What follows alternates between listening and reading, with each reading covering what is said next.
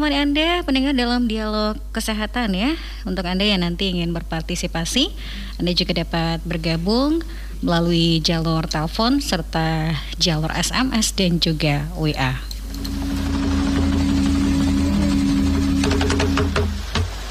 Anda masih bersama RRI Fakfak Program 1 Format Stasiun Informasi Pendidikan Budaya dan Hiburan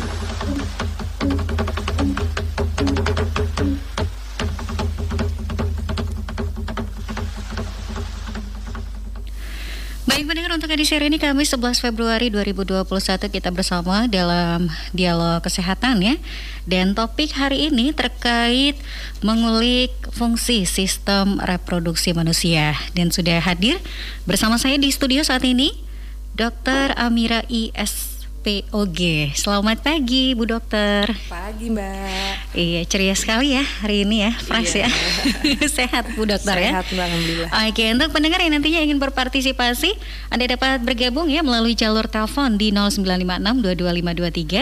SMS atau WA di 0821 Baik ini sebelum masuk ke fungsi sistem reproduksi manusia, mungkin uh, Ibu Dokter bisa uh, memberikan penjelasan juga untuk kita nih ya terkait sistem reproduksi sendiri. Silakan penjelasannya Ibu Dokter. Iya. Halo, saya Dokter Amira. Saat ini saya bertugas di Rumah Sakit Umum Daerah Fakfak sebagai dokter spesialis kandungan dan kebidanan.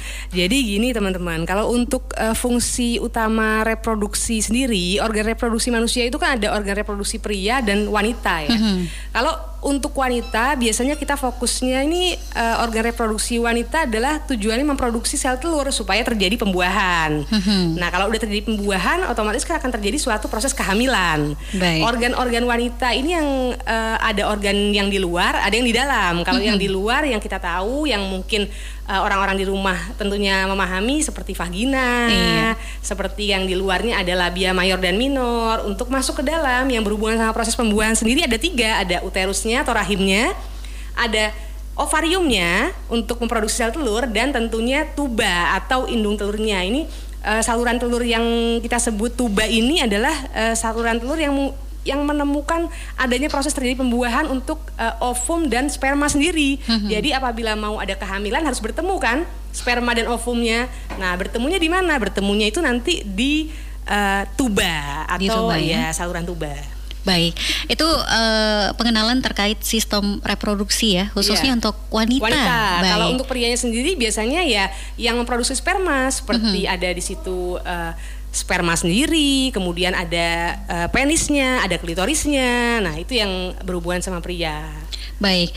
Nah, kemudian uh, untuk menjaga kesehatan sistem reproduksi sendiri bagaimana ini dokter? Kalau untuk menjaga kesehatan tentunya dari luar dulu, dari ekstrinsik dan intrinsik ya. Kalau dari ekstrinsik ini dari luar, dari luar hmm. tentunya kita harus menjaga higienis kita dulu. Kalau untuk wanita tentunya yang diperlukan adalah bagaimana menjaga agar uh, bagian kewanitaan atau uh, bagian vaginanya tetap uh, bersih. Mm-hmm. Ya contohnya yang paling gampang sebetulnya kalau dari luar ya kalau kita uh, buang air kecil harus selalu disiram pakai air mengalir ya mm-hmm. yang bersih dan apabila setelah uh, buang air kecil tentunya jangan langsung pakai pakaian dalam tapi dilap dulu. Boleh pakai mm. tisu atau lap tujuannya supaya bersih dan tidak ada kuman atau kelembapan udara dari pakaian dalam kita. Iya, berarti jadi uh, harus dalam keadaan kering seperti itu dokter kering, ya. Betul banget. Nah, itu kalau yang... menjaga dari dalam gimana nah, nih? Kalau dari dalam tentunya kita harus memikirkan yang pertama asupan nutrisi kita. Mm-hmm. Itu yang penting. Karena apa pun yang kita makan tentunya akan jadi hal positif atau negatif buat diri kita sendiri. Mm-hmm. Kalau makanan tentunya perbanyak yang mengandung protein tinggi yang mm-hmm. bagus. Juga mengandung antioksidan tinggi seperti buah-buahan. Buah-buahan juga ada buah-buahan yang kita khususkan di sini yang bisa membantu untuk supaya tetap uh, kewanitaan kita bersih adalah yang banyak mengandung antioksidan. Iya. Seperti misalkan buah-buahan yang mengandung, mengandung air-air seperti semangka, pepaya, pir, apel itu yang uh, banyak mengandung uh, air dan kita kurangi buah-buahan yang mengandung uh, manis tinggi seperti mangga karena otomatis faktor inflamasi atau segala penyembuhan dari diri kita akan terhambat kalau kita banyak makan manis-manis. Oh, gitu. begitu. Uh, kemudian kalau untuk para pria sendiri ini juga hmm. penting untuk menjaga kesehatan uh, ini ya, dokter ya. Sangat penting untuk mm -hmm. menjaga uh, kualitas dari uh, organ pria, mm-hmm. khususnya kalau yang pria yang uh, sudah menikah dan berumah tangga kan menjaga kualitas sperma yang kita mm-hmm. butuhkan, ya kan?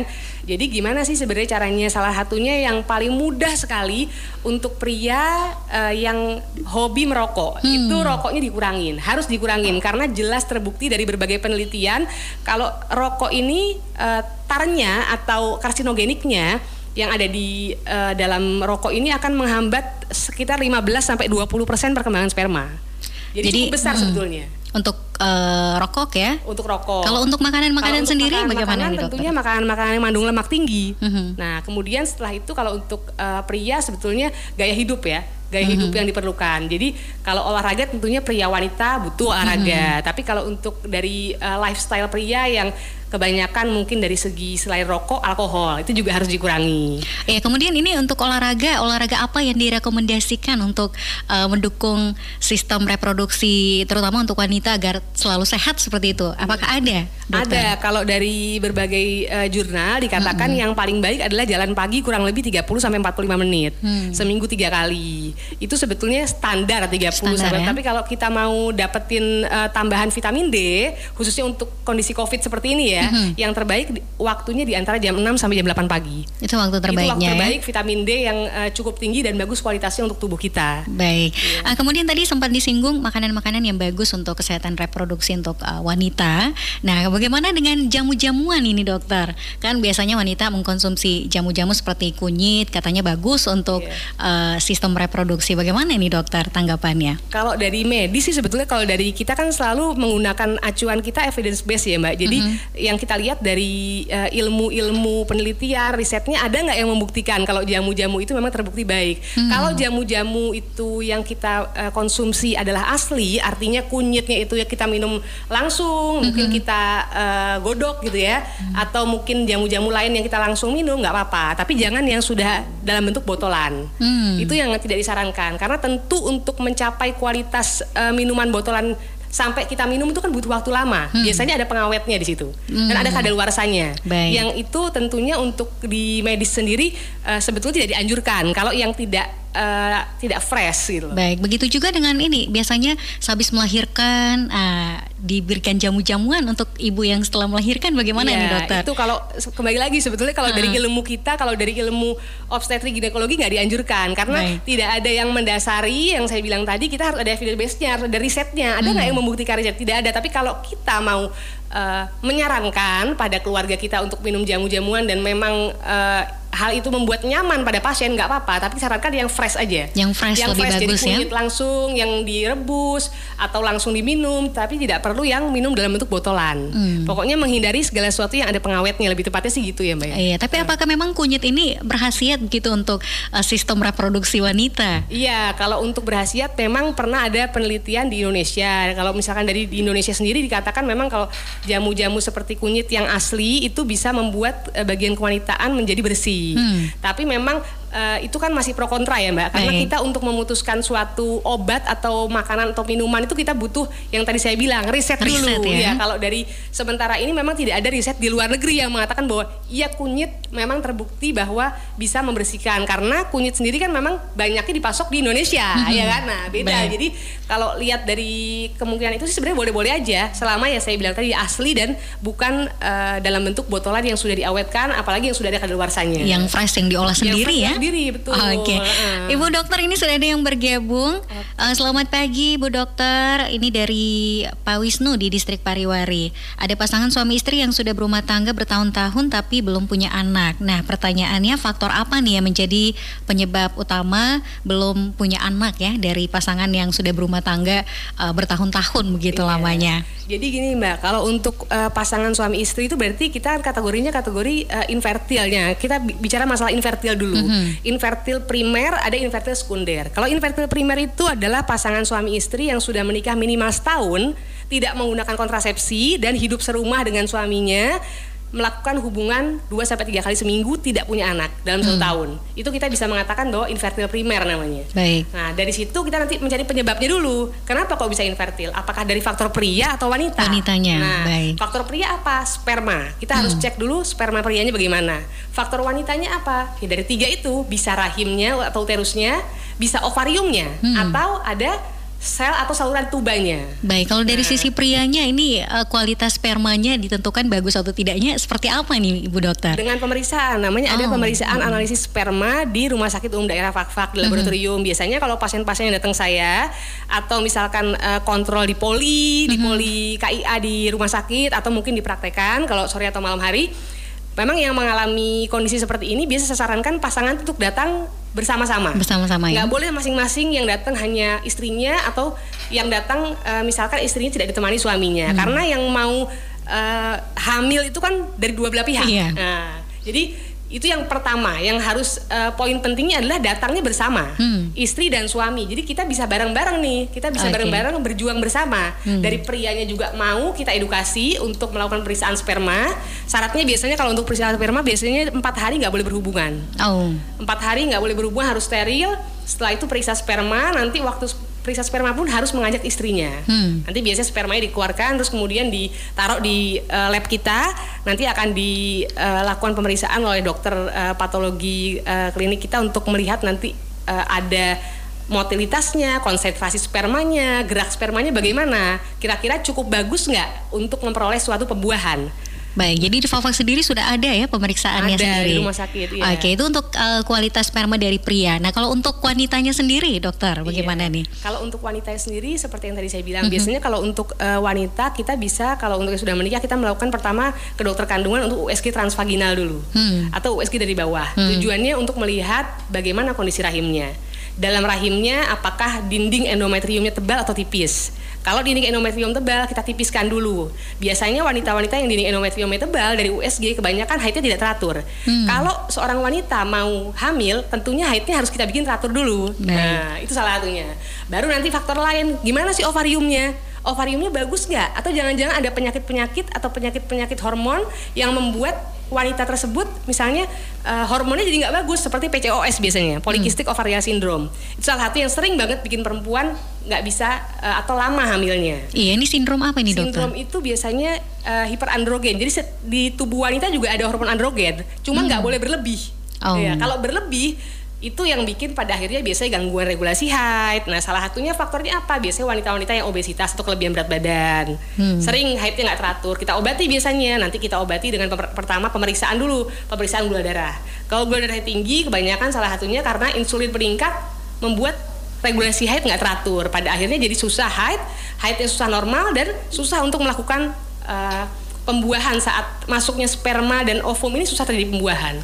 Baik, kemudian ini berkaitan dengan uh, menstruasi ya. Yeah. Iya. Uh, ada wanita-wanita yang memang uh, siklusnya tidak normal seperti itu, dokter Betul, ya. Yeah. Kemudian ada juga keluhan-keluhan yang sakit tapi sakitnya berlebihan ketika menstruasi datang. Apakah ini bisa dikatakan normal atau bagaimana nih, dokter? Nah, kalau untuk itu berarti kita harus cari dulu penyebabnya, Mbak. Seperti mm -hmm. saya bilang tadi, kalau untuk perempuan yang sudah menikah bisa kita lakukan USG transvaginal dari bawah. Mm -hmm. Kalau yang belum menikah menikah masih nona USG dari atas biasanya yang pasti kalau untuk uh, haid tidak teratur itu ada banyak uh, orang awam mungkin mengetahuinya dengan kita bilang biasanya kalau haid nggak teratur itu bisa dalam satu bulan ada haid atau ah. kadang-kadang nggak ada haid ya kan yeah. atau haid tapi sebulan dua kali hmm. namanya itu biasanya perdarahan terus abnormal itu perdarahan yang uh, yang darah berikutnya itu biasanya bukan darah, bukan darah haid sesungguhnya hmm. tapi karena haidnya nggak benar jadi akhirnya haidnya jadi panjang. Hmm. Salah satunya seperti itu. Nah, biasanya kita harus memastikan dulu lewat kita lihat dulu nih dari USG gimana rahimnya yang saya bilang tadi, ovariumnya gimana, tubanya gimana, baru nanti keluarlah diagnosis kita. Hmm. Diagnosisnya biasanya itu yang menentukan bagaimana tindakan selanjutnya untuk mengatur haid. Biasanya kita atur dulu haidnya biar teratur, nggak bisa langsung, butuh waktu paling nggak tiga bulan. Hmm. Jadi selama tiga bulan itu pasti kita kasih obat untuk mengatur haid supaya haidnya normal dulu. Baik. Nah, nah kemudian kalau penggunaan uh, pil kontrasepsi ataupun uh, suntik KB seperti itu dokter ya biasanya mempengaruhi siklus uh, menstruasi juga. Apakah ini normal dokter? Nah, iya betul. Jadi kalau untuk kontrasepsi sendiri kan ada dua ya, mbak. Ada mm -hmm. hormonal, ada non hormonal. Mm. Nah kalau hormonal itu segala sesuatu yang kita gunakan itu mengganggu hormon kita. Jelas kalau mengganggu hormon pasti akan mengganggu siklus. Mm. Nah, makanya sebenarnya sebaiknya yang terbaik itu kalau sekarang menurut uh, kalau kita uh, ambil contohnya kan menurut American Obstetrics dan Ginekologi sebenarnya yang paling bagus tuh kontrasepsi itu yang sebaiknya untuk uh, wanita-wanita yang khususnya yang sudah uh, berkeluarga mm -hmm. yang non hormonal. Jangan pakai yang hormonal. non hormonal seperti apa? Sebetulnya tiga non hormonal. Kalau pasiennya masih mau punya anak, mm -hmm. pakai IUD atau spiral. Oh. Itu non hormonal. Non hormonal. Iya, ya, kalau sudah tidak mau punya anak diikat kandungannya. Oh. Atau metode operatif wanita. Atau ketiga ya pakai kondom kalau hubungan. Mhm. nah, tiga itu yang non hormonal. Jadi sebenarnya itu aman karena dia nggak ganggu hormon dan dia nggak ngerusak haid. Pada waktu kita pasang IUD spiralnya, kita pasang di hari kedua haid hmm. agar mulut rahimnya waktu itu terbuka. Jadi gampang kita pasang IUD-nya. Baik. Setelah itu ketika maksimal waktunya lima tahun atau sebelum lima tahun pasiennya mau lepas, mau hamil lagi, tinggal dilepas aja biasa. Udah dia akan haid normal dan uh, tidak mengganggu haid selama dipasang. Apakah tidak ada dampak kesehatan tersendiri begitu dokter? Kalau misalkan ada beberapa pasien ya, mm -hmm. walaupun sangat sedikit yang misalkan berdampak, oh saya sering flek-flek ya dok, haidnya nggak mm -hmm. teratur ya, gara-gara pakai IUD gampang, tinggal dilepas IUD-nya. Mm. Udah, jadi itu sesuatu yang amat sangat mudah dan uh, disediakan oleh BKKBN, jadi free untuk semua uh, masyarakat khususnya yang sudah berkeluarga. Iya, jadi lebih direkomendasikan yang non hormonal ya. Iya, karena nggak berdampak untuk mood Hmm. Pertama, tubuh kita nggak jadi makin gemuk, nggak ada jerawatan, estetika hmm. terjaga. Jadi sebetulnya untuk seorang wanita perlu memperhatikan penampilan diri kan. Hmm. Nah, ketika menggunakannya hormonal pasti akan uh, semuanya mau nggak mau akan berdampak juga buat uh, wanita. Seperti misalkan implan, memang banyak orang-orang yang pakai implan susuk hmm. ya, yeah. ya. Tapi ternyata uh, di balik itu ya uh, banyak juga efek samping hormonal yang terjadi. Jadi implan ini termasuk uh, hormonal iya, juga betul, dokter ya? termasuk, ya? Baik, sebelum dilanjutkan kita dengarkan dulu pesan-pesan berikut ini. Oke. Okay. Di suatu pesta. Hey Selfie, eh Della, akhirnya kita ketemu di sini ya. Ini yang terjadi di tempat yang sama. Hey Koro, akhirnya kita ketemu di sini ya. Coba lihat orang di tempat. Yang pakai masker, gak jaga jarak, Mereka makan di satu meja sambil ngobrol asik. Padahal kita juga asik karena bisa dengan mudah menyebar ke orang di sekitarnya. Mereka pesta, kita juga pesta. Penambahan kasus positif corona setiap hari menuntut kita agar lebih meningkatkan upaya pencegahan dengan selalu menerapkan protokol kesehatan. Sebisa mungkin hindari keramaian karena setiap orang bisa menjadi carrier virus corona dan tidak diketahui bila tanpa gejala. Kanal Inspirasi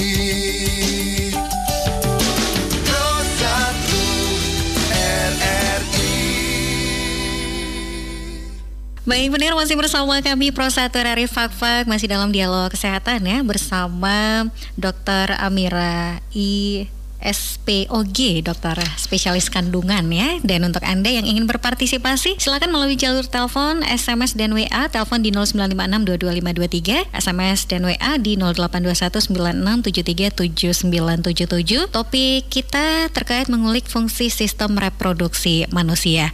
Ini menarik sekali dokter ya eh, terkait apa namanya pil uh, kontrasepsi seperti itu ya. Ini apakah mempengaruhi kesuburan para wanita juga, dokter? Kalau untuk uh, apa kontrasepsi sih nggak mempengaruhi kesuburan. Kalau mm -hmm. kesuburan itu tadi saya bilang itu dari dari faktor pria dan wanitanya. Kalau faktor wanita tetap dari rahimnya, dari uh, ovariumnya, dari tubanya kalau faktor pria ya dari sperma. Tapi itu lebih mengganggu untuk uh, siklus haidnya aja. Dan kalau untuk pil KB sih sebenarnya nggak masalah untuk haid. Cuman pil KB itu kan diminum setiap hari jamnya harus sama. Mm-hmm. ketika lupa sekali ya pasiennya bisa hamil. Mm. nah jadi sebenarnya kalau orangnya memang disiplin dan bisa uh, mengatur waktu untuk minum pil KB setiap hari dan apabila lupa biasanya langsung minum dua pil ya.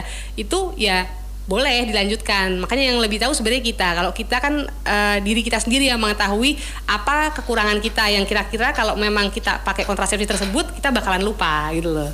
Kalau, Baik. Iya. Yeah. uh, ini sudah sudah ada yang bergabung Bu Dokter melalui WA okay. dari Ibu Nora. Ibu Nora bertanya terkait faktor-faktor apa saja nih Bu Dok yang mempengaruhi kesehatan reproduksi Iya, kalau faktor-faktor yang pengaruh kesehatan reproduksi uh, wanita dan pria, ya hmm. pertama dari faktor luar tadi saya bilang. Hmm. Dari luar dulu nih bagaimana higienis kita dalam menjaga kewanitaan kita atau mungkin kalau perempuan lebih tepatnya mungkin vagina. Makanya kan uh, kalau perempuan ini erat kaitannya dengan ada ada waktu-waktu seperti menstruasi. Hmm. Itu juga yang membuat sering kali harusnya hari-hari nggak ada keputihan menjelang menstruasi bisa ada keputihan. Hmm. Jadi mungkin uh, perempuan merasa tidak nyaman dengan itu. Biasanya kita sarankan sama uh, wanita yang mau menstruasi biasanya ya jaga kebersihannya lebih uh, daripada yang sebelumnya. Hmm. Misalkan satu hari hanya ganti pakaian dalam satu kali harus dua tiga kali. Rutin ya. Oke. Okay. Ya. Kita sapa dulu penelpon yang sudah bergabung. Wah, bisa dicoba kembali ya untuk para pendengar yang ingin berpartisipasi. Ada juga yang bergabung dari Ibu Mika ya. Uh, selamat siang Ibu Dokter.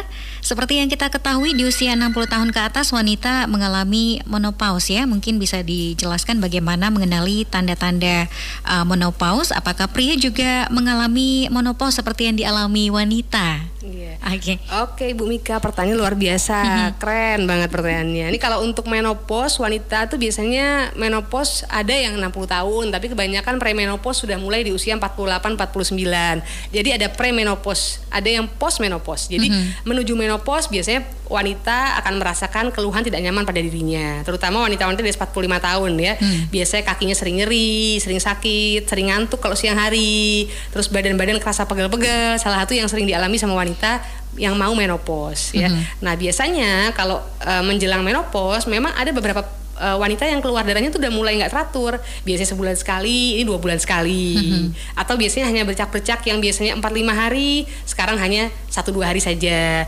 nanti waktu pas setelah menopause itu juga ada juga sindromnya biasa hmm. sindromnya setelah berapa tahun wanita itu nggak haid tiba-tiba kok haid lagi, haid lagi. nah itu yang sebenarnya sering terjadi. Nah, sebenarnya yang penting adalah kalau udah perempuan di atas 45 tahun, kita perlu melakukan pemeriksaan kandungan. Hmm. Tujuannya apa? Sebetulnya tujuannya untuk mengetahui kita ada nggak sih punya kemungkinan-kemungkinan keganasan dari situ. Karena kalau keganasan tersendiri yang di uh, sering kita temui pada pasien-pasien memang terlambat datang. Keganasan hmm. ini macam-macam. Ada keganasan ovarium, hmm. ada keganasan endometrium, ada juga keganasan mulut rahim atau serviks. Jadi tergantung uh, semuanya kebanyakan kalau untuk endometrium dan rahim ini memang menyerangnya di atas umur 45 tahun, hmm. 40 tahun lah rata-rata. Tapi kalau untuk yang endometrium itu biasanya menjelang atau sudah menopause. Hmm. Nah, biasanya dinding rahimnya udah tebal banget. Nah, kalau udah tebal dinding rahimnya, biasanya kita perlu untuk melakukan uh, pemeriksaan seperti biopsi di bagian dinding rahimnya. Kita ambil sedikit jaringan, kita periksakan. Hmm. Tujuannya kita mau lihat ada kemungkinan keganasan nggak. Kalau ada keganasan, sebaiknya diangkat rahimnya sebelum nanti keganasan itu akan berkembang di situ. Jadi e, memang tahapan-tahapan itu yang agak sulit kalau kita sendiri nggak bisa mengenali diri kita. Karena hmm. kita sendiri harus aware sama diri kita. Oh ini normal nggak ya buat kita? Ketika kita merasa nggak normal cepat-cepat periksa. Tujuannya ya seperti yang saya dulu sampaikan sebelumnya juga deteksi dini IVA hmm. salah satunya itu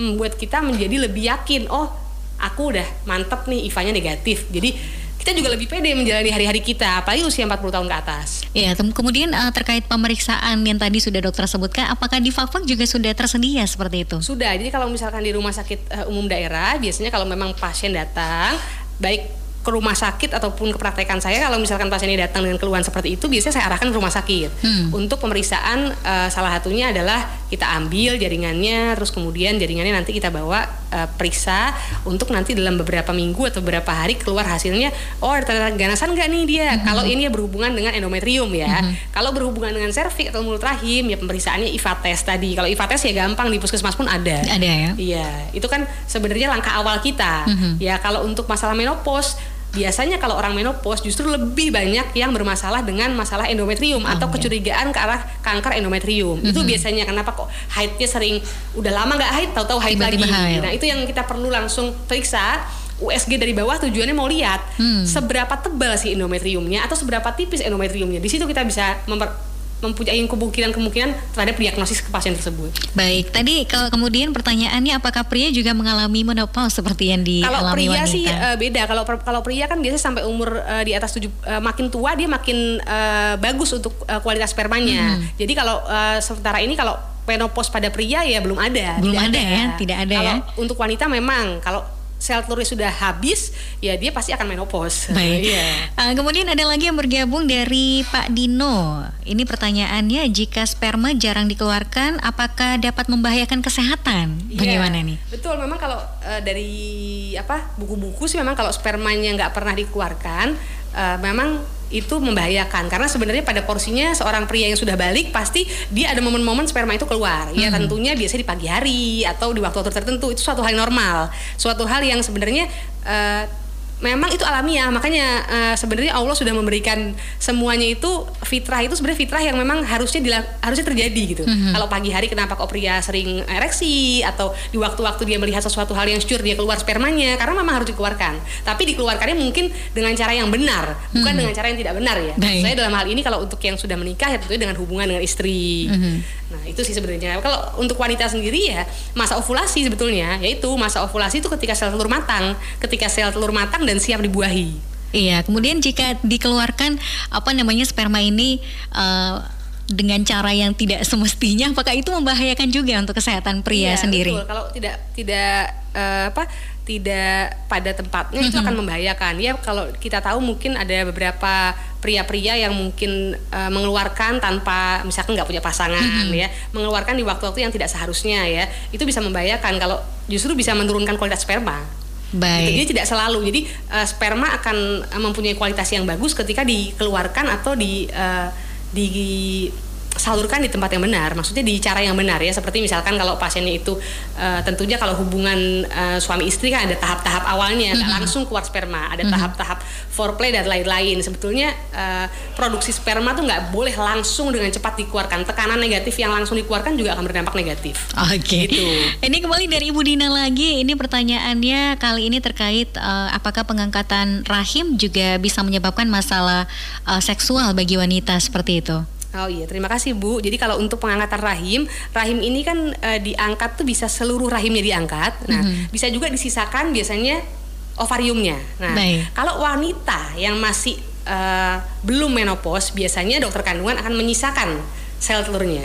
Tujuan tujuannya apa ovarium ovarium ini disisakan? Artinya supaya tetap ada sel telur yang berupaya untuk mengkompensasi wanita yang sudah tidak haid ini lagi karena sudah diangkat kandungannya. Karena apabila dia diangkat semua sampai sel telurnya, sampai ovariumnya, nanti perempuannya bisa menopause dini nggak boleh menopause dini itu. Menopause dini itu akan membuat badannya wanita ini tersakiti karena semua hormon-hormon yang harusnya masih ada dicabut makanya biasanya kalau perempuan itu ada kecurigaan keganasan dan paritasnya sudah cukup atau anaknya sudah cukup tapi dia belum menopause kita hanya angkat di bagian rahimnya saja. Tetap kita sisakan untuk ovariumnya. Tujuannya tetap untuk produksi. Baik. supaya pasiennya tidak menopause dini. Tapi kalau memang sudah menopause kita angkat semua nggak masalah Iya, kemudian faktor-faktor apa saja nih yang bisa mempengaruhi seorang wanita bisa mengalami yang namanya menopause eh, dini seperti yang hmm, Bu Dokter yeah. sudah katakan tadi. Apakah yeah. memang ada kejadian seperti ini juga, Dokter? Banyak biasanya kayak gitu. Kalau misalkan memang kondisinya perempuannya dengan penyakit-penyakit eh, khusus yang memang waktu pada waktu duranto operasi tidak bisa diselamatkan ovariumnya ya terpaksa harus diangkat semua. Biasanya pasiennya setelah itu kita kasih injeksi, injeksi mm -hmm. tapros biasanya atau injeksi-injeksi yang tujuannya untuk uh, membentuk supaya hormon hormon-hormon itu masih ada hmm. walaupun sebenarnya sudah tidak ada dari karena hormon itu diproduksi dari mana dari ovarium itu ketika ovarium masih ada hormonnya berarti masih ada nah, jadi faktor-faktor apa biasanya pasiennya kalau sudah uh, dalam kondisi tidak punya ovarium sudah diangkat semua pasiennya sering rambutnya biasanya mengalami kebotakan. Hmm. Nah, itu pertama. Kedua, badannya sakit-sakit semua, terutama lututnya. Hmm. Lututnya sering sakit sekali karena itu hormonnya sudah tidak ada produksi hormonnya. Pinggang, punggung biasanya nyerinya berlebihan. Nah, itu salah satu gejala yang sering banget terjadi. Kalau dari faktor pola hidup seperti makanan yang dikonsumsi apakah bisa mengakibatkan juga? Enggak sih mbak. Kalau untuk pola hidup, kalau untuk makan itu untuk lebih ke tubuh kita ya supaya -hmm. tubuh kita sehat kan. Yeah. Nah, tapi kalau untuk ke arah uh, menopause biasanya bisa dibilang nggak ada. Kalaupun ada satu persen, satu sampai dua persen, itu biasanya efek radiasi, mbak. Hmm. Nah radiasi bisa atau dua persen radiasi itu misalkan kayak uh, para tenaga medis yang kerja di uh, radiologi di rumah sakit, dia sering terpapar dengan sinar radiasi. Harusnya kan pakai baju khusus supaya tidak langsung terpapar. Dang. Apabila dia sering uh, terpapar langsung itu bisa beberapa persen ada kemungkinan cuman kecil. Kecil ya, ya tapi ada kemungkinan. Dia bisa ada orang yang kena tapi walaupun kecil kita juga tetap harus antisipasi. Makanya uh-huh. biasanya kalau uh, pekerja-pekerja yang masih nona uh-huh. atau yang masih uh, reproduksi masih awal-awal ya biasanya memang uh, menghindari daerah-daerah yang terpapar tersebut. Radiasi ya? Uh. oke. Okay. ini ada lagi yang bergabung dari Pak Randi. Selamat siang Bu Dokter. Pertanyaan saya batas usia batas usia berapakah? Manusia dikatakan sudah mulai menurun fungsi fungsi hormon pada alat reproduksinya. Mm -hmm. hmm, bagaimana ini dokter? Kalau untuk uh, wanita sendiri biasanya kalau sudah menopause ya rata-rata hmm. menopause tuh umur 50-an biasanya 50-an, nah, 50 ya? ya 60 ada tapi tapi jarang biasanya di 55 rata-rata yang sudah uh, menopause tapi kalau untuk pria sampai 70-an juga masih oke-oke aja nggak ada masalah sih kalau pria. Cuman kalau pria kan mungkin kekuatan fisiknya yang berkurang, tapi bukan kekuatan dari spermanya. Nah, kalau kalau perempuan beda. Kalau perempuan semuanya tuh dari uh, berhubungan apa pun yang perempuan lakukan, aktivitas semua itu nggak luput dari rahimnya, dari sel telur atau dari ovarium dan dari tuba atau jaringan-jaringan kewanitaan lain. Jadi kalau perempuan nih sangat penting organ kewanitaan dan organ reproduksinya sangat amat penting. Pria juga penting karena juga ada keganasan-keganasan yang terjadi dari uh, reproduksi pria. Tapi kalau untuk wanita sendiri karena semuanya dipengaruhi sama hormon. Hormon itu dibentuk dari mana ya dari rahimnya, dari sel telurnya tadi. Jadi mm -hmm. begitu pentingnya mempertahankan itu karena hormonnya dibentuk dari situ. Baik, ada lagi yang bergabung melalui WA. Ini pertanyaannya, apakah obat kuat yang diminum uh, pria ini bisa menjamin kesehatannya? Kemudian pertanyaan kedua, usia pernikahan bagi wanita maupun pria yang uh, ideal ya, dilihat mungkin dari sistem reproduksinya, ini yang ideal usia berapa sebenarnya dokter? Oke, kalau untuk yang pertama, kalau obat kuat sih nggak sangat nggak disarankan ya, hmm. sangat tidak disarankan karena begitu banyak efek samping yang terjadi. Tapi kalau untuk pria mau merasa memang ada keluhan-keluhan tersebut sebenarnya yang bagus datang ke dokter andrologi. Dokter andrologi itu khusus untuk uh, bagaimana menganalisa, mendiagnosis dan uh, memberikan terapi untuk uh, pasien-pasien khususnya pria yang mengalami masalah dengan sperma hmm. atau masalah dengan ejakulasi, hmm. segala masalah-masalah uh, seks lah ini ya. Hmm. Nah, jadi kalau obat kuat saya rasa daripada itu akan banyak uh, keburukannya daripada manfaatnya lebih baik datang ke ahlinya ya, yeah. andrologi. Mungkin di Fakta belum ada andrologi tapi uh, kalau untuk informasi-informasi uh, yang saya pikir awal bisa ditanyakan ke dokter bedah mungkin. Kalau memang ada masalah-masalah sama hmm. uh, masalah organ-organ uh, khusus khusus ya penyakit-penyakit tertentu yang berhubungan sama organ pria. Tapi kalau mm -hmm. masalahnya ini berhubungan sama seksual uh, seksual ya saran saya ke dokter andrologi. Iya. Kemudian hmm. ini berbicara tentang apa namanya tadi obat kuat. Ada juga ini pembesar penis seperti itu ya, iya. ya yang dijual bebas betul, online. Nah, kira-kira bagaimana ini dokter? Ya sama itu bahaya banget, mm -hmm. sangat bahaya ya karena kan obat-obat tersebut kan tidak jelas asal usul dari mana mm. dan risetnya semuanya nggak jelas. Itu kan hanya katanya katanya mm. ya kan. Jadi itu pun pembuatannya juga kita nggak tahu. Mm -hmm. Jadi tentunya ya kalau memang si pria itu masih mau menjaga organnya reproduksinya ya saran saya jangan pernah uh, apa mencoba-coba mm-hmm. untuk uh, minum obat kuat atau pembesar penis yang seperti itu. Mm-hmm. Ya jelas kita nggak pernah tahu dari mana uh, riset dan hasilnya jadi sangat amat banyak uh, kekurangannya sih seharusnya. Iya daripada nah. menyesal di kemudian hari Bu Dokter ya. Iya betul. ya kemudian pertanyaan terkait usia pernikahan yang ideal nih nah. Bu Dokter. Usia pernikahan yang ideal ya tentunya di atas 20 tahun. Mm-hmm. Karena kalau di bawah 20 tahun tuh kita kalau di bahasa objin kalau uh, perempuan 18 sama 17 tahun tuh masih primi muda namanya, tidak disarankan hmm. untuk hamil. Jadi 20 tahun ke atas itu disarankan. Nanti stopnya kapan? Stopnya yang yang yang tidak disarankan lagi sebetulnya umur 35 karena ketika umur 35 seorang wanita sel telurnya sudah berkurang -hmm. atau sudah uh, kalau sudah ada penyusutan lah. -hmm. Jadi uh, nanti kalau uh, seorang wanita dan seorang pria datang ke dokter kandungan mau punya anak dan seorang wanita misalnya umur 35 biasanya sudah ada skor infertil di situ wanita umur 35 tahun jadi mungkin terapinya akan beda dengan wanita umur 28 tahun yang 2 3 tahun nggak menikah nggak punya anak mm -hmm. nah kita mungkin akan lebih uh, kasih dosis yang lebih tinggi lagi untuk wanita ini karena uh, tingkat usianya pun sudah lebih tua baik gitu. kalau untuk para prianya kalau pria standarnya memang di atas uh, eh, 18 tahun udah boleh kalau pria. Iya. Yeah. Iya, tapi kalau untuk wanita ya karena kan wanita ini terlibat dalam proses kehamilan. Nah, nah itu masalahnya. Jadi kalau untuk kehamilan di bawah 20 tahun nggak disarankan. Kalau dari uh, apa obstetris diri yang disarankan di atas 20 tahun. Iya, kalau terjadi kehamilan di di bawah usia 20 tahun, apakah ini membahayakan untuk si ibu, untuk perempuannya sendiri? Sangat membahayakan karena pertama kalau wanita di umur di bawah 18 tahun ya 20 tahun ke bawah lah ya, primi mm -hmm. muda itu yang pertama kali sering paling banyak adalah kehamilan preterm. Kehamilan preterm atau persalinan preterm terjadinya biasanya karena wanita ini hamil di usia yang belum cukup matang rahimnya. Mm -hmm. Rahimnya belum cukup kuat sebenarnya untuk menampung bayi. Tapi ada bayi di situ. Bawang mm -hmm. kan ada terjadi tekanan atau pemaksaan. Akhirnya gampang lahir di usia kehamilan yang masih kecil.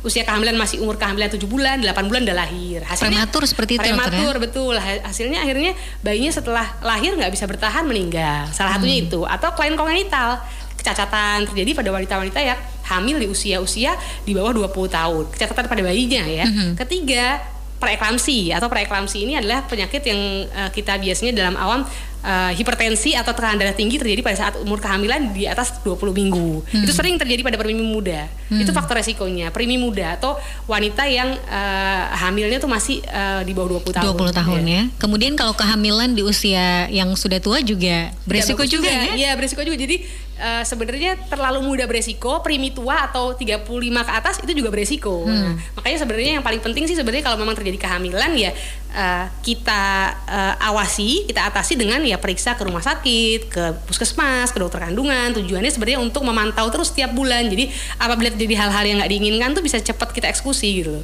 Artinya kita bisa segera menyelamatkan bayi dan ibunya, nggak -hmm. sampai terlambat dan terlalu lama di daerah-daerah yang jauh pada akhirnya dulunya nggak ketolong. Iya, nah, jadi gitu. penanganannya lebih bagus di awal ya. kalau misalkan hmm. ini.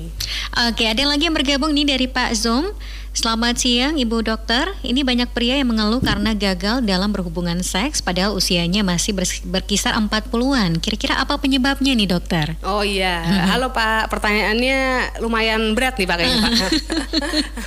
Enggak Pak, gini kalau masalah gagal dalam berhubungan itu yang pertama komunikasi dulu Pak. Karena hmm. berhubungan seksual dengan istri itu yang pertama justru komunikasi kita gimana komunikasi itu sangat penting karena mm-hmm. dari semua uh, apa hubungan khususnya hubungan suami istri ya kalau komunikasinya nggak bagus pasti penyampaian juga nggak akan bagus dan hasilnya juga kurang bagus mm. karena semua dari komunikasi kalau kom- memang Bapak ada masalah waktu uh, berhubungan dengan istri atau ada masalah dengan organ prianya, harusnya pertama Bapak diskusi dulu sama istri. Saya begini begini begini, hmm. saya ada masalah begini ketika berhubungan itu sangat penting. Karena ketika sudah ada komunikasi, istri juga akan berani terbuka terbuka bahwa iya saya juga merasakan seperti ini ya udah kita coba lah cari opsi ke dokter kandungan hmm. kita coba tanya ke sini kita coba cari informasi dua-duanya ada niat memperbaiki diri kalau ada diskusi Baik. tapi yang salah adalah ketika komunikasi itu nggak ada dan disimpan di hati. Yeah. Nah, gitu. Diam-diaman ya. Jadi perselingkuhan, Mbak. Wah, nah, ini yang bahaya nih. Lagi ini kembali dari Pak Wisnu di Distrik Pariwari.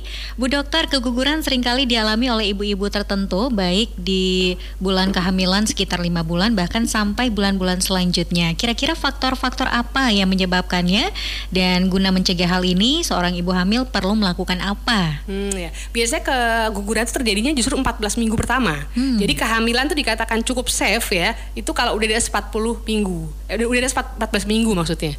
14 minggu itu sekitar tiga bulan lebih, Mbak. Jadi kalau hmm. tiga hmm. bulan setengah lah ya, tiga bulan setengah tuh dia sudah uh, aman, biasanya ke depannya kemungkinan besar akan aman terus. Tapi kalau tiga bulan setengah, kenapa perempuan disarankan untuk bed rest total, harus banyak eh, nggak uh, boleh kerja capek-capek itu di umur kehamilan di bawah 14 minggu. Jadi di awal-awal kehamilan di awal ya? kehamilan. Karena kenapa? Karena kan hormonnya baru terbentuk. Nah, dan bayinya itu biasanya baru baru berupa janin, berupa benih-benih, dia belum utuh, belum mm-hmm. sempurna. Kapan sempurnanya pembentukan organ bayi? 24 minggu atau 6 bulan itu udah mm-hmm. sempurna. Semuanya organnya sudah ada di umur kehamilan 24 minggu. Jadi kalau mau tanya lebih tepatnya kapan sih saya bisa melakukan aktivitas normal? Yaitu 24 minggu, 6 bulan karena 6 organ bulan, udah ya? lengkap semua. Mm-hmm. Setelah itu PR-nya tinggal menambah berat badan. Mm-hmm. Nah, bukan untuk memproduksi organ bayi lagi karena organnya mm-hmm. sudah ada semua. Sudah ada semua. Uh, Jadi hal apa saja yang bisa dilakukan dilakukan ibu hamil agar mencegah yang uh, keguguran iya, pertama, tadi? kalau awal kehamilan tentunya nggak boleh kerja berat-berat. Usahain hmm. jangan stres karena stres itu mau nggak mau hormon di tubuh kita khususnya hormon kewanitaan itu pasti akan meluruh, gampang meluruh. Hmm. Meluruh ya nanti keluar bayinya. Gitu kalau kalau meluruh. Jadi artinya menghindari segala sesuatu yang akan berdampak flek-flek kepada ibunya kan kalau di awal kehamilan kalau flek-flek hmm. perdarahan bisa keguguran. Nah, nanti uh, syarat uh, syarat yang utama yang sebenarnya harus dipikirkan adalah bagaimana caranya ibu ini harus menghindari segala bentuk kerja berat atau eh, kerjaan-kerjaan uh, yang membuat dia stres. Hmm. itu nomor satu. Kedua ya periksa di dokter kandungan dari awal kehamilan. Begitu pack positif langsung periksa. Tujuannya untuk mengetahui dari kita periksa di dokter kandungan khususnya kalau awal kehamilan periksa dari transvaginal kita bisa tahu hmm. rahimnya ibu ini mulut rahimnya pendek atau panjang. Ketika mulut rahimnya pendek artinya lebih gampang keguguran Hmm. Ketika serviks atau mulut rahimnya panjang, dia akan lebih sulit untuk keguguran. Jadi dari mulut rahim kita bisa tahu, dari hmm. serviks itu kita bisa uh, bisa tahu dia tuh pendek atau panjang. Kalau sering keguguran biasanya mulut rahimnya itu pendek. Jadi pemeriksaan penting pemeriksaan dokter ya? penting dari awal itu sebenarnya kadang-kadang nggak periksa dulu sampai terbesar salah justru awal kita bisa tahu sebetulnya kita bisa ukur gitu panjangnya panjang serviknya itu. Uh, apakah uh, apa namanya efek dari berhubungan suami istri juga bisa menyebabkan keguguran di awal-awal kehamilan seperti itu Bener dokter? banget mbak, betul mbak. Bener memang awal kehamilan nggak disarankan untuk berhubungan dulu. Ya itu tadi tiga bulan setengah atau empat bulan pertama jangan dulu lantas setelah empat bulan oke okay, boleh. Iya, Yang tapi penting- untuk para suaminya ini Nah itu harus sabar ya kan Sabar ya. Ini juga buat suaminya anaknya kan Dia harus sabar juga Tapi kan semua demi kebaikan ya Memang setiap perempuan beda-beda mbak Nggak semua orang berhubungan langsung keguguran Tapi rentan Yang kita. Mhm. bicarakan kan masalah rentan ya Jadi kalau rentan itu artinya sesuatu yang bisa dihindari Dihindari dulu Yang penting aman dulu tiga bulan. Setelah itu boleh kok berhubungan boleh ya.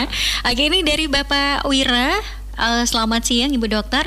Ini mitos atau fakta menyimpan HP di saku celana dapat menyebabkan infertilitas. Kemudian eh, pertanyaannya apakah dengan mengkonsumsi terong bisa menyebabkan Mister eh, apa namanya P mengalami 3L, lemah, lunglai dan loyo. Waduh. Mitos mitos ini ya. Mitos, mitos ya kemudian kalau menyimpan HP ini juga mitos, mitos nih. iya mitos itu juga memang ya. ada ya mungkin kalau ada efek radiasi tapi kecil banget nggak sampai bikin sperma sperma bener-bener nggak berkualitas. Mhm. kan kalau sperma nggak berkualitas butuh waktu mbak untuk membuat sperma itu tidak berkualitas nggak bisa langsung. Pertama tadi saya bilang pemeriksaan sperma itu tujuannya penting. Untuk apa? Untuk mengetahui dari awal spermanya kayak gimana. Hmm. Gimana konsentrasinya, mortalitasnya, mortalitasnya, gerak spermanya, itu dulu yang penting. Ketika tahu, jadi kita bisa antisipasi. Antisipasi dengan apa? Dengan kita bisa mengkonsumsi vitamin-vitamin untuk sperma. Ada vitamin yang disarankan, tapi bukan obat kuat. Baik, jadi eh, sudah dijawab oleh Ibu Dokter bahwa mitos ya. Mitos. Oke, ada lagi yang bergabung eh, melalui jalur WA. Ini terkait membesar Mr. P ya di fak-fak ini banyak yang eh, membesarkan penis memakai daun bungkus. Ini apakah berpengaruh dari sisi eh, psikologis pria? Kemudian hubungan antara rajin berolahraga dengan kualitas sperma sendiri bagaimana nih dokter? Hmm, iya. Kalau masalah daun bungkus itu mitos, Mbak. Jadi Mitos juga ya? Itu eh, sesuatu yang saya rasa nggak perlu dilakuin ya, karena itu kan daunnya itu kita nggak tahu dari mana asal usulnya, entah infeksi yang ada, Hmm. atau yang jelas jangan-jangan malahan nanti ada bisul-bisul yang Wah, ya, malah iya. berat nih mas saya, nggak perlu menurut saya nanti malah cari perkara itu namanya, nggak usah.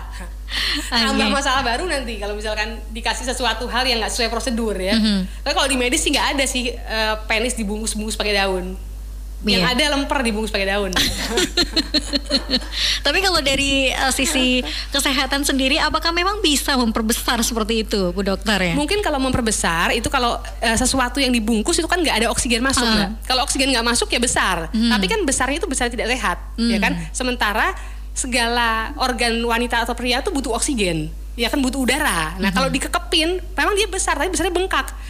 B- besar yang menyakitkan itu jadi Wah. bengkak bukan besar yang sehat kan? jadi nggak disarankan Tidak disarankan ya. Kemudian ini terkait kualitas sperma. Ini hubungan antara rajin berolahraga ini seperti apa ini, Dokter? Iya, antioksidan itu dibutuhin banget sama tubuh. Kalau orang sering olahraga, bagus untuk oksigenasi dan antioksidannya. Nah, itu sangat berpengaruh banget pada kualitas hormon wanita dan pria. Kalau pada pria, sperma sangat bagus kalau memang sering olahraga. Karena dengan olahraga tersebut, maka reaksi segala reaksi inflamasi itu akan terhambat. Artinya segala macam yang kita makan itu mau nggak mau kan akan berefek inflamasi di tubuh. Yang nggak bagus jadi menghambat oksigen. Yang bagus jadi memperkuat atau meningkatkan oksigen masuk. Nah, Baik. itu bagusnya. Oke. Kemudian ada lagi yang bergabung melalui jalur WA lagi ya. Eh, Bu Dok, ini mau tanya untuk mendapatkan bayi kembar apakah ada cara-cara khusus untuk mendapatkannya? Oh iya, biasanya nanti kalau misalkan untuk eh, apa bayi kembar, memang eh, kita ada program ya kan sebelumnya harus program hamil dulu. Mhm. Jadi nggak bisa kalau misalkan sudah positif mau bayi kembar ya nggak bisa. Hmm. Tapi kalau memang untuk cara-cara yang spontan biasanya ada sih beberapa tips mungkin dari cara berhubungannya ya. Hmm. Tapi mungkin kalau untuk cara berhubungan kan itu intern pasangan suami istri Iya. yang kita nanti harus edukasi untuk eh, cara berhubungannya, posisi hubungannya untuk kemungkinan terjadinya eh, kromosomnya biar supaya kembar. Walaupun itu sebenarnya tidak menjamin. Kalau mau yang pasti yang menjamin itu sebenarnya dibuat, dilakukan inseminasi betulnya. Hmm. Inseminasi itu dilakukannya biasanya kalau di Papua Barat itu di Sorong. Di Sorong ada dokter eh, ahli kandungan yang bagian fertilitas. Hmm. Nah, di sana biasanya dibuahi, diambil spermanya sama diovumnya dibikin di lab dulu untuk eh, supaya waktu pas masuk ke dalam eh, perempuan atau ke rahim perempuan itu bisa jadi dua kantong atau kehamilan kembar. Hmm. Nah, gitu. Jadi, Jadi- itu lebih lebih lebih lebih pasti sebetulnya yang pakai alat itu karena Hmm. kalau eh, kita pakai cara-cara yang spontan agak susah karena kan itu ke- dua kantong yang kita bikin kan. Mhm. Nah, Jadi ini apakah eh, bayi kembar ini juga apa namanya berhubungan juga dengan eh, keturunan seperti itu, Dokter? Betul, kalau misalkan genetik pasti segala hal genetik nomor satu. Kalau ada Mhm. faktor genetik dari eh, pria atau eh, wanitanya bisa lebih mudah untuk eh, kembar. Tapi seandainya pun nggak ada faktor genetik, kalau memang itu dibuat di lab yang saya bilang tadi, salah satunya inseminasi atau bayi tabung, itu bisa bisa dilakukan bisa dicoba untuk uh, bayi kembar. Iya, kemudian ada katanya juga nih dokter ya, kalau hamil sering makan apa namanya ubi jalar ya, hmm. itu bisa hamil bayi kembar. Apakah ini benar itu mitos, juga? Mbak, mitos. ini juga mitos, mitos ya. Mitos, mitos. Oke. Okay. Kemudian ada lagi yang bertanya, uh, Bu Dok, ini terkait oral dan anal seks uh, bagi untuk kesehatan uh, reproduksi sendiri bagaimana ini dokter? Kalau untuk uh, oral ya, kalau hmm. untuk oral sih uh, lebih baik daripada anal. Hmm.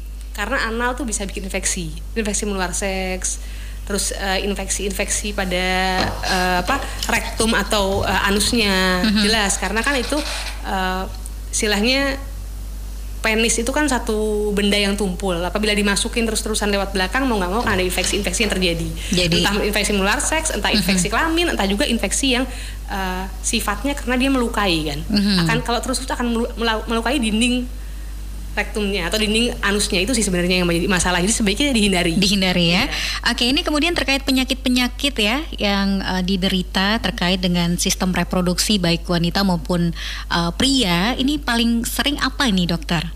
Iya kalau untuk uh, wanita sendiri sih sebenarnya keluhan-keluhan utama yang datang ya kalau untuk keluhan dulu ya. Mm-hmm. Kalau untuk wanita kan keluhannya seringnya keputihan awalnya. Baru nanti setelah keputihan kita bisa analisis lebih lanjut, kita ambil pemeriksaan sekretnya kita lihat apakah keputihan ini pure karena keputihan yang normal atau yang tidak normal.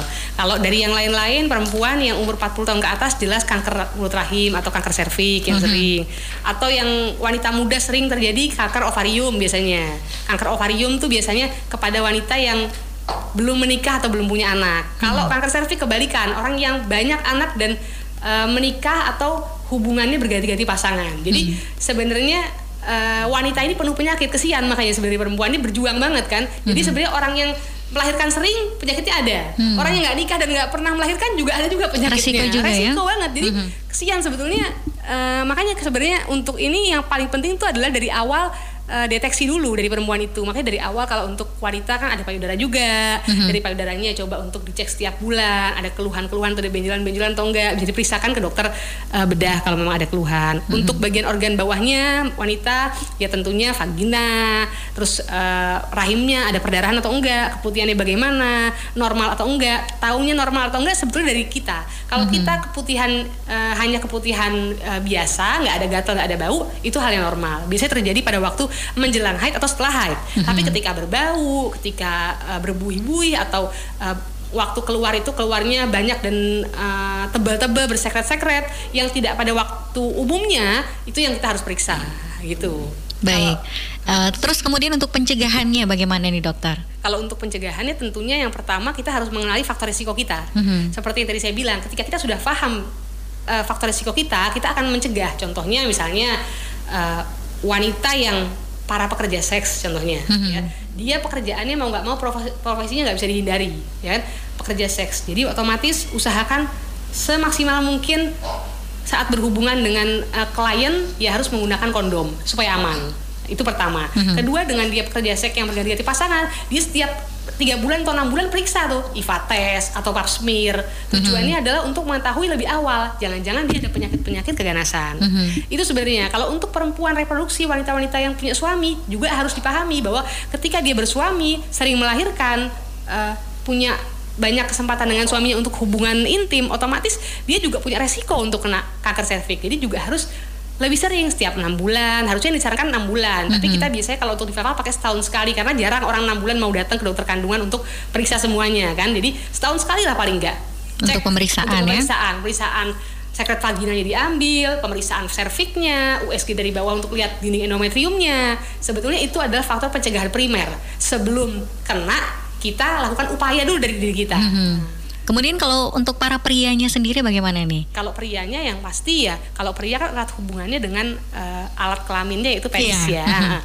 Jadi yang paling nomor satu jangan jajan sembarangan, cukup sama mm. istri aja, mm. ya. Itu nomor satu karena pria juga punya penyakit-penyakit yang uh, besar salah satunya penyakit-penyakit ganasan dari uh, penis juga ada dari skrotum juga ada itu juga ganas jadi salah satunya pencetusnya adalah sering ganti-ganti pasangan hmm. penyakit-penyakit kayak gonorrea atau penyakit-penyakit kelamin pada pria infeksi menular seks juga pria juga banyak hmm. itu juga sangat mengganggu dan bisa bikin uh, infeksi yang berat yang membuat pria itu juga akan menderita hmm. jadi hindari kalau bisa mau hubungan ya kalau bukan sama pasangan ya pakai kondom. Baik. Nah, Ya, ini ada lagi pertanyaan eh, Ibu dokter bagaimana mengatasi ejakulasi dini? Kira-kira treatment apa saja yang penting untuk dilakukan? Iya, kalau eh, cara-caranya sebetulnya kalau untuk eh, ejakulasi dini itu kan sebetulnya terjadinya sebelum saatnya sudah keluar kan.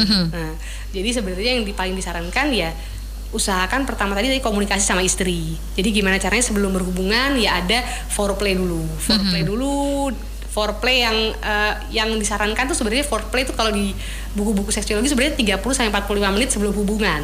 Ya Ini penting dokter ya? penting sangat makanya saya bilang tadi komunikasi itu penting karena dari dari langkah awalnya sebelum berhubungan tuh bukan mau berhubungannya tapi mau menjalin eh, komunikasi yang baik dengan partner kita jadi ejakulasi ini tidak terjadi karena ada komunikasi yang bagus dulu foreplay dulu dari awal. Setelah foreplay cukup bagus sudah ada eh, keluar cairan dari wanita dan dari pria baru mulai. Mhm. berhubungan. Kalau dari faktor makanan sendiri adakah eh, Kalau- disarankan seperti Iya, itu dokter? makanan sih yang paling bagus sebenarnya yang serat-serat sayur-sayuran sama buah-buahan. Itu sih yang paling bagus. Untuk pria ya? untuk pria. Untuk wanita juga. Cuma kalau untuk wanita lebih ke yang antioksidan tinggi lebih kayak buah-buahan yang saya bilang banyak air tadi kayak eh, pir buah apel buah semangka buah paya Iya, kemudian kalau eh, apa namanya kecambah ya, eh, ini apakah juga mempengaruhi kesuburan, tingkat kesuburan seperti itu? kalau mitosnya sih gitu tapi kalau eh, realnya sisi- belum ada Belum ada Iya. juga ya. Oke. itu mitos Ah, ini dari para kip berikutnya.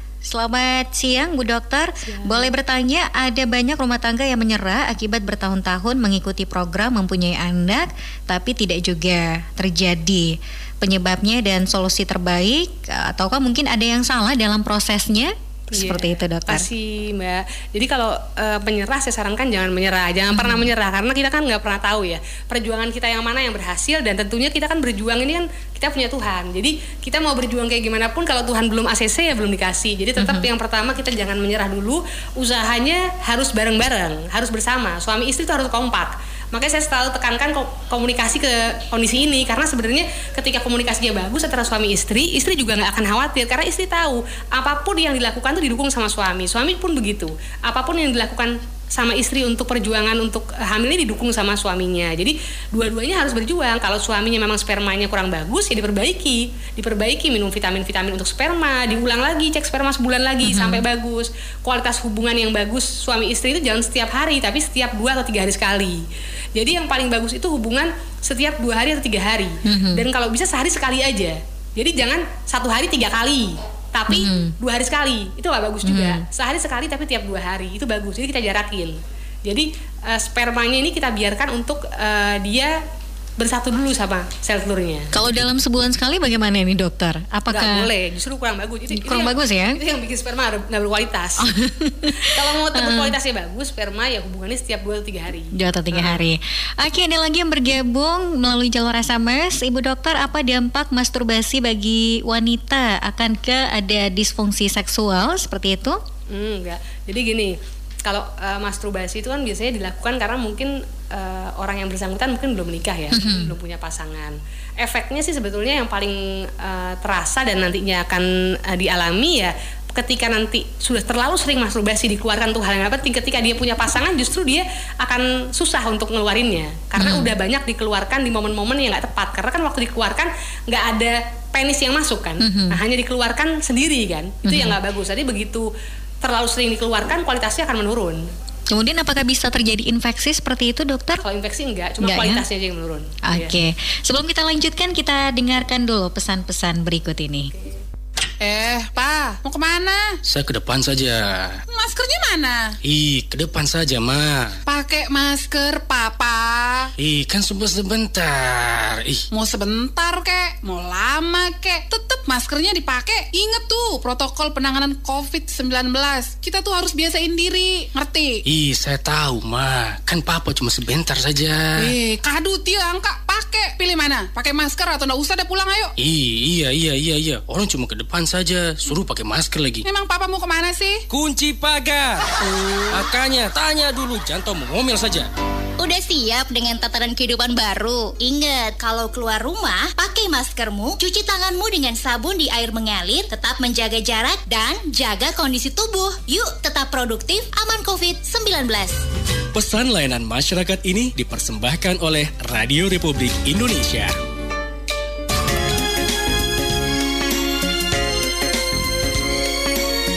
Pro 1, Kanal Inspirasi. Ya masih bersama dalam dialog kesehatan ya untuk edisi hari ini Kamis 11 Februari 2021 dengan topik mengulik fungsi sistem reproduksi manusia masih bersama Dokter Amira. Ya untuk pendengar tidak terasa ya kita sudah berada di penghujung kebersamaan padahal menarik sekali nih dokter ya topiknya hari ini. Ya mungkin pertanyaannya juga dari saya ini apakah minuman uh, beralkohol seperti itu bisa mempengaruhi sistem reproduksi baik untuk wanita maupun pria? Iya betul, memang memang udah jelas sih kalau untuk alkohol sama rokok baik perempuan atau wanita itu sangat amat mengganggu reproduksi dan menurunkan kualitas sperma maupun sel telur. Mhm. Iya. Ya, dan bagian terakhir mungkin closing statement dari Ibu Dokter sendiri terkait topik kita. Iya, halo masyarakat Fakfak yang saya sayangi, saya Dokter Amira SPOG.